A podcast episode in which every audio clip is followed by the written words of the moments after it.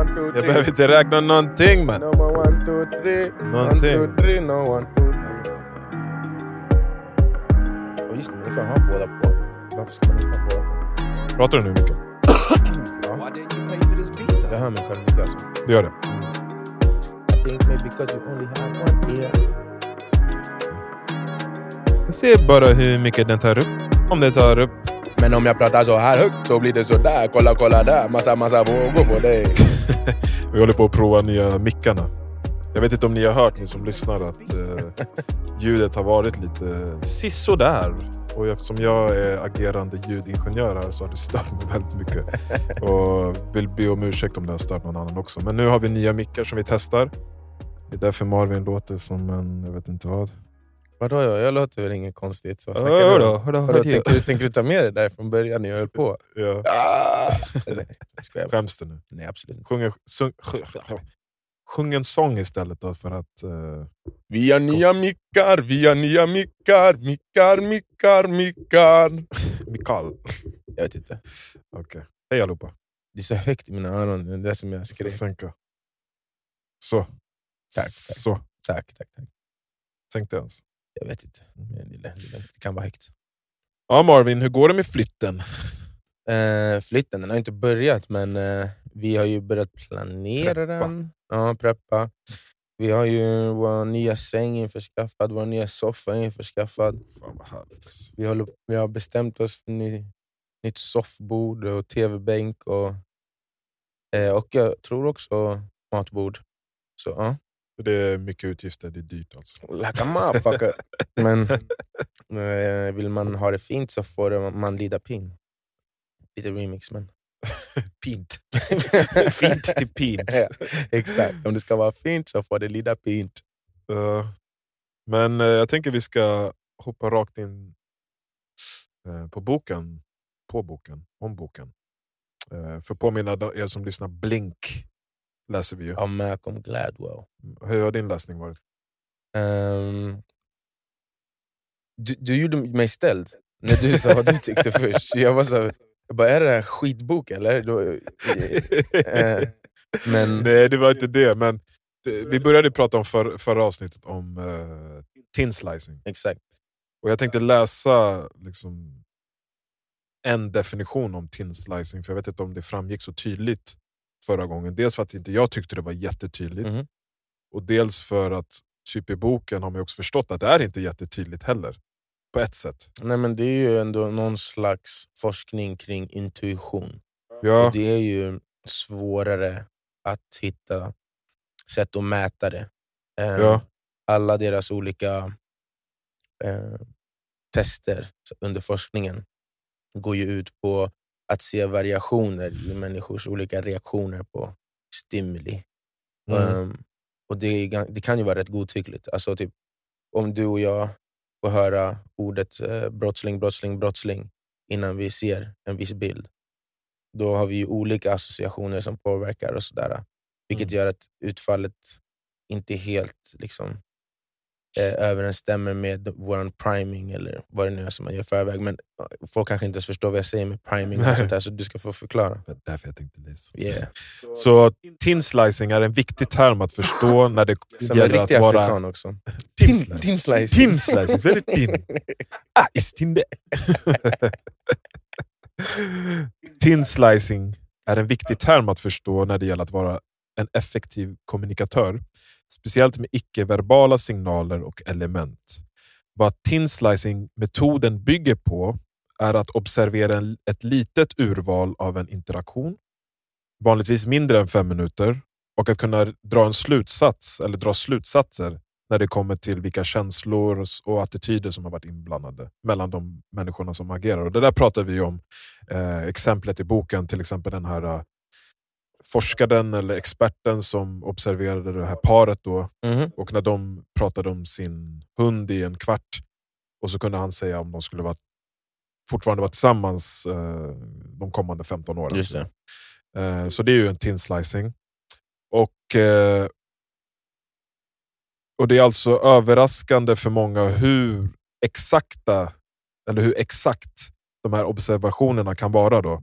Eh, bara på baserat på den lilla tiden man observerar. Mm. Eh, och Det gäller också när man bara gör en observation i några sekunder av en eh, interaktions liksom, initiala skede. Mm. Eh, så att den där första delen av, av eh, interaktionen betyder väldigt mycket. Mm. Eller man kan dra mycket fakta därifrån. Mm. Eh, la, la, la, vad står här? Och så. Och att vara liksom medveten om att den här typen av bedömningar görs både av en själv och andra i det undermedvetna. Eh, och ofta direkt i, i interaktionen då, så kan man ju förbereda sig och eh, ja, genom att vara medveten om det liksom, anstränga sig för att vara medveten om vilka signaler man skickar ut. Då. Mm. Och då öka chanserna på att okay, med det här intrycket vill jag ge den här personen, men det är också det intrycket som den personen får. Mm. Så det är så en del man kan använda tinslightning. Mm. Eh, men också då att ens liksom, egna... Ja, basically att ens... Alltså, de säger makroegenskaper. Alltså Mhm. ens... Eh, vad ska man säga? Jag vet inte sammanhanget som du tog det ifrån, men jag, jag, läs, in, jag läser det som eh, Macrotraits. ja, alltså, det som syns utåt mest då, i en, av ens egenskaper. Alltså är du, eh, Precis, jag kan säga så här, om jag träffar dig första gången och du eh, gör någonting som jag uppfattar, uppfattar genom min tinslicing Mm. som en douchebag. Mm. Men du är ingen douchebag. Mm. Men de här små eh, mikrosignalerna eller eh, egenskaperna du hör, har Mm. gör att jag sätter en, eh, stämplar ditt makro som en douchebag. Precis, det, det, det, de olika små handlingarna eller Gesterna. gesterna som jag gör som du har eh, associationer till, antingen Ja. positiva eller negativa, som sen kommer färga din Ja. bild av mig eller något annat. Ja. Mm. Så det är basically tin slicing. Men när jag skrev till dig och sa så här, jag förstår inte riktigt vad jag ska liksom lära mig av den här eh, boken när de pratade om tin slicing. Mm. För att som sagt, det första exemplet var med den här experten Mm. som, som observerade den här eh, relationen. Då, Mm. och han kunde göra den här slutsatsen. Eh, och då tänkte jag så här, okej, men dels att det inte är svårt att göra eh, Samma slutsats. samma slutsats. Eller det kanske är svårt, men eh, det finns ju en statistik Mm. hur länge ett förhållande håller. Liksom. Mm. Och att han också är, är expert Mm. på området. Mm. Och Sen tog ju de det här exemplet med eh, den här tennis, eh, tennistränaren, en jättekänd Mm, just det. tennistränare Mm. som kunde se... Okej, I tennis så, så har man två chanser på sig att serva. Mm. eh, serva. Eh, och sen blir, förlorar du poäng om du inte klarar det andra gången. Något Så- sånt. Ja. Och det hette double fault. Mm. något sånt där. Mm. Och han kunde, han kunde liksom förutse om det skulle ske en double fault bara när de kastade upp bollen. Och då tänkte jag så här, ja grymt. Men han är ju också expert på tennis. Men hur- han var ju den enda experten på tennis. som kunde göra det så, så Precis. precis. Ja. Ja. men jag tänker också, de, de, de lyfte också fram att han var Ja, en av de kändaste genom absolut. Så tiderna. det är lätt att bli skeptisk. Och så jag bara, okej jag fattar konceptet. Men min attityd var när jag skulle lära, läsa den här boken var, typ så här, hur lär jag mig att medvetet ehm, göra tinslicing? Det kanske kommer senare, men jag hade Mhm, typ så här, mm. velat läsa någon hint om det innan. Mm. För att när jag tänker så här, okej den här killen är expert på tennis och kan göra den här tinslicing, men kan han göra det i till exempel jujutsu eller fighting eller något annat? För att Men det tror Jag jag, som- det tror jag inte att han skulle kunna. Jag tror inte heller det, det, det, det att de kommer komma in på att lära folk det. Nej. Det jag tror dock är typ så här, som jag kopplar det eh, till de sakerna jag har hållit på med. Ja. Eh, och de, de går in på, eh, det är lite senare i boken, typ strax innan där jag stannat nu. Ehm, så pratar de om hur det är högra och vänstra hjärnhalvan. Och Den vänstra hjärnhalvan tänker med ord, och den högra hjärnhalvan tänker i bilder. Och Det är den högra som man oftast använder för thin slicing och sånt. Mm, mm. Ehm, och den är som en, en, ehm, en kunskap du har som är bakom en stängd dörr, som du inte kan kolla in i. Och förstå hur den funkar. Exakt. Ja. Så den går bara att ehm, eh, få tillgång till genom den hjärnhalvan, vilket betyder att du inte kan få tillgång till den genom ord. Om, ju mer du beskriver den, desto mindre kommer du förstå den. I alla Mm. fall om du försöker göra det liksom i stunden du ska använda den. Mm. Så för mig kopplar jag det till när jag skulle lära mig spela basket eller när jag skulle lära mig sjunga. Mm. Och jag är, eh, enligt mig själv i alla fall, relativt liksom, litterär kanske är fel ord, men liksom jag läser mycket akademisk typ av person, eller bakgrund mycket. Ja. Och sättet jag har lärt mig på har formats från det ganska mycket. Mm, mm. Så det tog mig många trials and tribulations innan jag kom fram till att sättet jag ska lära mig såna här saker, det är inte genom att kunna rabbla upp en, en hundra ord lång lista på hur alla mekanismer hänger ihop. Vilket Nej. var hur länge som helst sättet jag försökte göra båda två på. När jag Mm. spelade basket och när jag skulle sjunga. Mm. Sen till slut så bara, nej men den här är helt baserad på känslor och bilder. Försök inte ens skriva ner hur känslan är, eller hur bilden är.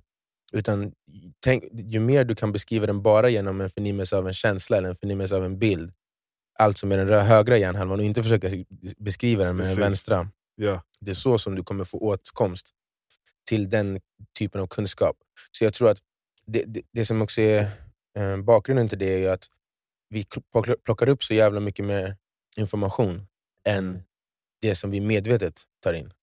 Mm. Så därför, så, det som vi omedvetet tar in, det har vi att, få tillgång till, men oftast inte medvetet. Och det är den till- informationen man får tillgång till när man gör thin slicing. Så Men man gör ju då inte tin slicing. man gör det på det sättet att Det sker ju undermedvetet. Precis, man gör inte det medvetet, men du kan... Okej, du kan välja att inte försöka lägga in kalkylationen med vad jag vet med den informationen du har samlat in. Så bara, jo, men, eh, Exakt. till exempel, för det jag vill komma fram till i fighting till exempel, så är det ju väldigt mycket intuition. Mm. Alltså så här, när någon rör på axeln, du ser inte det i stunden när du sparras, men du vet att ofta därefter så kommer ett slag. Mm. Och då kommer du justera distansen. Liksom. Eller som i jutsu, ibland så reagerar jag på en teknik, försvarar mig eller gör en motattack.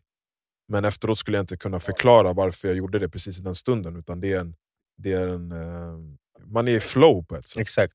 Och det var det som jag hade tanken om när jag började läsa boken. Alltså, ah, nice. Ska lära Då kanske man kan ja, lära sig att göra tin slice, Mm. men det är mer så här, förstå att det här händer hela tiden hos alla.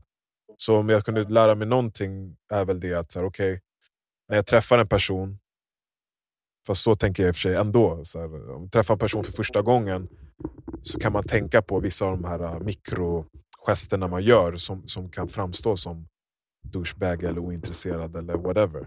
Mm. Eh, Men jag tror också att du är en person som är relativt eh, höger hal- hjärnhalva baserad.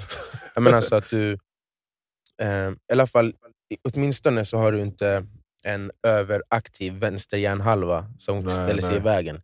Nej. Jag tror att det är därför det kändes för mig som så inte som en aha-upplevelse, för någonstans visste jag det där. Men hur mekaniken och hur, de, hur den ena kan blockera den andra, Ja. det hade Ja, jag det liksom det inte riktigt kanske. tänkt på. Alltså att så här, okej, eh, det är fortfarande bra för mig att bryta ner alla beståndsdelar i Mm. en rörelse, i, i basket eller, eller i, i liksom boxning eller whatever. Mm. Eh, men till, till en viss mån så kan det vara eh, alltså absolut, absolut inte en fördel. Utan Nej. att det, det jobbar emot mig att jag ens försöker göra så överhuvudtaget. Så att använda bildsinnet, eh, liksom, eller vad man ska säga, och eh, eh, känslor och sen inte alls koppla dem till ord. Att det är det är sättet att gå. Och, och att för mig var det så, nej men jag kan göra det, alltså se det i bilder, jag kan känna det i känsla, och sen om jag sätter ord på det så är det ännu bättre. Ja. Men absolut inte tydligen. För då kommer man sen också vara van vid att försöka hoppa emellan dem och så kommer du inte kunna jobba i flow i den där högra utan att tänka någon gång under tiden. It's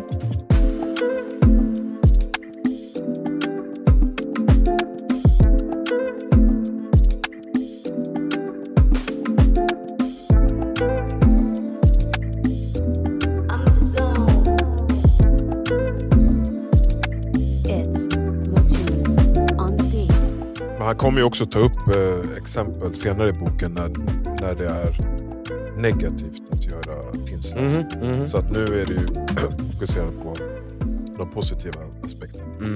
Eh, Jag har kommit lite till, till Men det, då negativa. kanske det är jättenyttigt, och för mig också då att... att eh, Ser de negativa? exakt, för det är Mm. kanske är därför inte jag förstår riktigt vad jag ska ta ifrån Mm. det här som jag läser nu. För att det är typ självklart för mig Mm, mm, med tanke på min karaktär. mm. Men sen när jag behöver, nej med de här tillfällena så är det faktiskt bättre för dig att djupdyka mer och ta större, större vara mer delaktig i informationen. Mm, mm. Och, och så. så det kanske är det som blir... Ja, men det, det, ehm, där jag är än så länge så finns det en historia om eh, en kille som, skulle, som blev USAs president. Ja just det. Ja. Så där är till exempel ett av de dåliga exemplen. ja. Där de baserar det helt på yttre, inte ens egenskaper, yttre attribut, eh, hur han ser ut. Mm. Eh, och gjorde kopplingar president. från det till om hur hans karaktär skulle vara. Ja exakt. Ehm, och sen så tror jag inte killen som var hans, eh, vad heter det nu? Ja, men den som jobbar för att få honom vald. Mm. Ehm, jag tror inte att han på riktigt trodde att han kanske var smart, men han trodde att alla andra var så dumma att de skulle gå på det han först kände när han såg honom. Mm. Ehm, och ja, de, har inte gått in så djupt än på vad, vad de negativa delarna är, men, men det är ju en av dem. Och det är en som man egentligen, det är en klyscha nästan. Alltså, don't judge a book by its cover. Men det där, har inte du upplevt det där mycket? Alltså typ i många sammanhang, för min del, när man är så snygg som jag är. Och så, och så här... äh, Ja. äh, I, I, I hear no lies, I hear no lies. om man kanske ehm, har blivit dömd av sitt utseende på det sättet. Man kanske inte kan vara djupsinnad och Mm, eh, mm. akademisk och intellektuell också. Mhm. Så i sammanhang så, det kanske inte har blivit sagt till mig, men jag förstår om jag säger till exempel, ja, men jag skriver böcker, jag är författare, eller ja, jag pluggar på KTH, eller ja, jag gör det och det andra. Att det säger emot deras Mm. tinslicing gentemot mig. Och det här är personer som jag också kanske har träffat en, två gånger väldigt snabbt. Mm, mm. Och när de, mer, när de får veta mer om mig så, så har jag märkt att det blir liksom en Jaha, va? Jaha, nej det trodde jag inte. Ja, ja, Så, okej, men, och det, där, det trodde jag inte. Mm. Om jag frågar okay, varför trodde du inte det, då kan Mm. inte de heller riktigt säga Mm. varför. Men de har gjort den bedömningen. På samma sätt som den här presidenten då, som var skitsnygg, Mm. och precis som jag. Och sen, och sen, och sen eh, var han liksom eh, han var en riktig womanizer, eh, som du. Nej, Nej. don't put that shit on Nej, me. jag Du ville bara putta bort det där för att du gav dig själv komplimanger, så nu skulle jag få någon shit. Det är ingen annan som ger mig komplimanger, så jag måste boosta mig själv. Jag ger dig ändå komplimanger. Ja, jag vet. Du vill ha det från någon. Honeyboo. Nej, men så, så, så, så det är ju väldigt eh, eh, påtagligt hela tiden egentligen. Mm. Och där tror jag också jag är lite tvärtom. Jag vet inte varför, men jag ser ju alltid... Även om jag inte kan ta på historien eller berättelsen, så vet jag att det är en, alltså en lång historia och berättelse mot alla man träffar. Mm. Alltså i vår ålder. Det finns mycket där bakom som inte jag har någon aning om. Och Därför tror jag att jag inte är så snabb på att döma eller lägga i ett fack. Det är klart man gör det oundvikligen på ett, ett sätt, men jag är väldigt, och försöker vara väldigt öppen för att så här, eh, bli motbevisad i den mån. Mm. Vilket gör att de här eh, fördomarna så sätts inte så djupt. Mm. Om du förstår vad jag menar. Mm. Ehm, gjorde du det där um, testet, eller lyssnade du på den delen av boken? När det var så här, ehm, två spalter. Ena jag ska typ- göra er priming test. Inte priming test, nej. Eller, nej, det var eh, typ något test för hur starka associationer man har till men olika lyssnade. typ kön. Eller, ja. Så då var det till exempel man, först var det man, yrke. Och så Mm. var det ena spalten. Mm. Och andra spalten var det eh, kvinna, hushåll Ja. eller hem. Något sånt. Och Sen så var det en massa ord eh, i mitten mellan dem. Och Sen så skulle du liksom snabbt trycka eller så här, peta på ena sidan av bladet för den som, eh, spalten som du tyckte de här orden hörde hemma i. Mm. Och så var det till exempel men, eh, affärsman. Mm. Och så bara okej, eh, man, yrke. Och så, eh, barn, eh, kvinna, hushåll. Ja. Och då spelar de ju in, det var bara uppvärmningen, då spelar de ju in i eh, fördomsfulla associationer. Mm. Sen så gjorde de eh, något liknande och sen så, efter det så bytte de. Så att de delade upp det så att det blev kvinna, yrke i ena spalten, Mm. man, hem i andra spalten. Mm. Och Det testet skulle avgöra hur mycket man eh, hur, hur, mycket, hur stark association man har Mm. till eh, traditionella könsroller. Mm. Så då, även om det stod så här... jag hittar på orden nu, för jag kommer inte, jag kommer inte ihåg vilket det var, men ehm, typ aff- affärsledare igen. då. Mm. Eh, och det var kvinna, yrke. Och, och hur mycket långsammare tog det, alltså hur mycket min, mer tid tog det för dig att välja det ordet in i kvinnas och yrkesspalten Mhm. än vad det gjorde när du innan hade man och yrke Mm. i en spalt. Mm. Och om det ens tar en millisekund mer, Mm. så betyder det, eh, en till två millisekunder mer, så betyder det att du har starka associationer till de traditionella könsrollerna. Jag tyckte ändå den var intressant, för att så här, jag visste ju vad det var som skulle hända. typ. Man fattade det nästan. Mm. Och ändå så märkte jag att så här, det går ju långsammare. Alltså, så här, det var inte på alla orden. Det var vissa ord som så här, skulle vara traditionellt klassat eh, som mansgrejer, Mm. men som jag ändå bara Mm. till Mm. kvi- kvinna när det var yrke under. Så. Mm. Men vissa andra så bara, vänta varför pausar jag ens? Det är klart det är där. Det är klart det är där. Så bara, och det visade sig bara, det spelar ingen roll vad man tror medvetet, Mm. utan det där är det undermedvetna. Och det är inte heller vad du... De pratar ju också om det, att så här, det handlar inte om vad du själv tycker, Mm. att du, eller vill, eller tror att du har för åsikter eller värderingar kring de sakerna. Utan det här är vad du matas med. Mm. Of, och ofrivilligen kommer det ta uttryck. Mm. Ehm, och då tänkte jag faktiskt på, när vi pratade om det här, eh, de rasisterna som jag kallar dem, som, eh, var, ja, som hot, var hotfulla mot dig där Ja, i eh, någonstans, Huddinge. Huddinge. Eh, och, och hela den där diskussionen vi hade då om så här, vad är att vara rasist och så. Mm. För kollar man i eh, en ordbok så tror jag att det står någonting i stil med man tror eller tycker att en viss ras har, är bättre, har bättre egenskaper än den andra beroende på vilk, deras, eh, liksom, eller inte ras, eh, etnicitet och deras eh, etniska tillhörighet. Ehm, och ingen säger det, apropå det här med Alltså för då sa ju du bara, men alla säger att alla är rasister. Jag bara, ingen är rasist, ingen blir kallad rasist. Ja, inte ens ja. rasist. De blir arga när de blir kallade rasister, de som är mest rasister. Typ. Ja. Och så hade vi en sån diskussion. Och, och sen så kom, tänkte jag där, bara, men, ja, men det här känns ju för att det spelar ingen roll vad folk säger. Det spelar ju roll vad folk gör. Mm. Och för en rasifierad person i Sverige till exempel, Mm. det spelar ingen roll om personen du sitter på arbetsintervju säger jag står för allas lika värde, jag tycker att alla etniciteter är lika bra, bla bla. Jag, jag fäster inga negativa associationer vid din etnicitet. Det kan de tycka, det kan de säga och när de får tänka efter så, kom, så är det säkert sant. Mm. Men om deras bakgrund ändå är sån att de har blivit matade med så mycket negativa bilder av andra etniciteter att det kommer ta uttryck i deras thin slicing. Då tycker de ju det egentligen, på ett sätt. Förstår du vad jag menar? Inte i psyket, men i, eller jo i psyket, men en- liksom med, inte i det medvetna, men i det undermedvetna. Ja. Och om det är det undermedvetna som tar uttryck, och så till exempel så var ett exempel, så här, om du kom, det spelar ingen roll om, om han säger allt sånt, den här personen som ska anställa någon. Men om personen kommer in då och det är en, en svart man till exempel, och han sitter mindre framåtlutad i stolen, han... Eh, eh, har eh, byxorna under. nej, alltså den, han som ska anställa. Att han, tänk, han, han, Han på grund som- av hans associationer Ja. så är han mindre engagerad. Så, Ah. så, är han, så har han redan associationer som gör att han inte är lika mycket på alerten som han skulle vara med någon annan. Och så är han mer avfärdande, omedvetet. Då kommer personen som sitter mitt emot honom bli mer osäker, bli, ta, ta för sig mindre. Ja. Och Sen så kommer han då i sin tur sitta där och bara, vad är det här för person? Han gör ingenting, han Ja, kan exakt. ingenting. Ja. Och Då spelar det ingen roll vad någon säger att de tycker egentligen. Och det, det handlar inte heller om, så här, för det blir ofta det, så här, är någon ond eller någon god. Det handlar inte om det heller. Mm. Men vad kommer vara utfallet? Och, ja, det, jag tyckte det blev en intressant tankegång där. För att eh, eh, På ett sätt, om man tar det så, Mm. så är vi ju alla massa ismer. Mm. Ister Mm. och allt sånt. Mm. Alltså sexister, rasister och bla bla.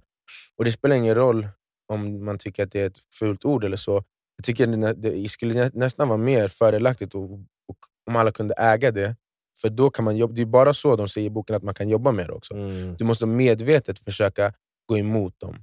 Och Du kan inte säga, bara för att du har sagt i tio år ja, men jag, jag är feminist. Det spelar ingen roll om du, eh, när det kommer en kvinna och ska bli anställd hos dig, har ett annat beteende som är Mm. mer avfärdande, omedvetet. Exakt. Och, ja, det, det, Så det, hur, skulle, hur skulle det vara ideellt då, när den svarta killen kommer in, eller kvinnan? Så ska chefen säga, bara, så du vet, jag har inte en jättebra känsla av dig. Min erfarenhet av svarta personer är inte på topp. Eh, men slå dig ner, slå dig ner. Nej, jag tänkte på det också, jag bara, för att, eh, man hör ju många, så här, bara, alltså, speciellt jag som går ner i, i Twitter-träsket och kollar vad folk tycker. Så här, alltså, typ, folk, folk säger så här, vita män är de mest eh, utsatta för rasism i Sverige. Vi blir, eh, ja, men typ, för du vet, för alla säger så här, vita medelålders män är si och så, och så får man inte säga Aha. om någon annan. Mm. Mm. Eh, och den negativa delen där man pratar så mycket om de som man tycker har makt eller whatever. Det, det kanske inte är så nödvändigt, men det fick mig att tänka på att någonstans så blir det ju så, för de sa det att vilket samhälle du än bor i, så kommer majoriteten ha de här associationerna och minoriteten kommer ha Ja. de andra associationerna. Det betyder att vilket land som än finns, om de är ute efter att vara ett jämlikt land, så betyder det att man måste göra fler ansträngningar medvetet för att motverka negativa stereotyper, för att höja upp och sätta sådana minoriteter i filmer, i Mm. positioner och i, i styrelserum Mm. medvetet. Mm. För att även om man säger att man inte har några eh, fördomar, så har man det undermedvetet. Och om man inte gör sånt, så kommer de fortsätta få de där associationerna mot sig. Mm. Och att det enda sättet att bryta det är ju att konstgjort eh, ge dem andra utrymmen än vad man skulle ge dem. Majoriteten. Det. Ja. Vilket väldigt lätt kan uppfattas som orättvist och, och någon slags motvänd diskriminering. Mm. Men det är också det enda sättet att motverka sån här typ av thin balans. slicing. Ja. Ja. Och, då, och då blir det så här, okay, men när ska det sluta då? Ja, men basically, aldrig. Alltså, vad min tanke. Jag, vet, jag har inte svaret, men min tanke var så länge som det finns en majoritet så ska den majoriteten vara gracious enough att kunna lyfta upp de som inte är majoriteten så att det känns som att alla är på samma playing field. Man behöver inte trycka ner någon annan. Jag tycker att, att kring vita medelålders män ibland kan vara pajkastning och så här, Ja. rent ut sagt barnslig. Ja. Men att lyfta upp det andra kan inte vara något negativt. I alla fall med de här glasögonen med thin slicing. För det betyder ju att om man inte gör det så kommer det fortsätta då, då kommer associationerna fortsätta vara som de är. Så ja, jag tyckte det var ganska intressant med just den eh, negativa delen av thin slicing. Men det, det, var, det var bra. Då har jag lite ett annat perspektiv av vad jag, vad jag lärde mig från eh, första delen av boken. Yeah.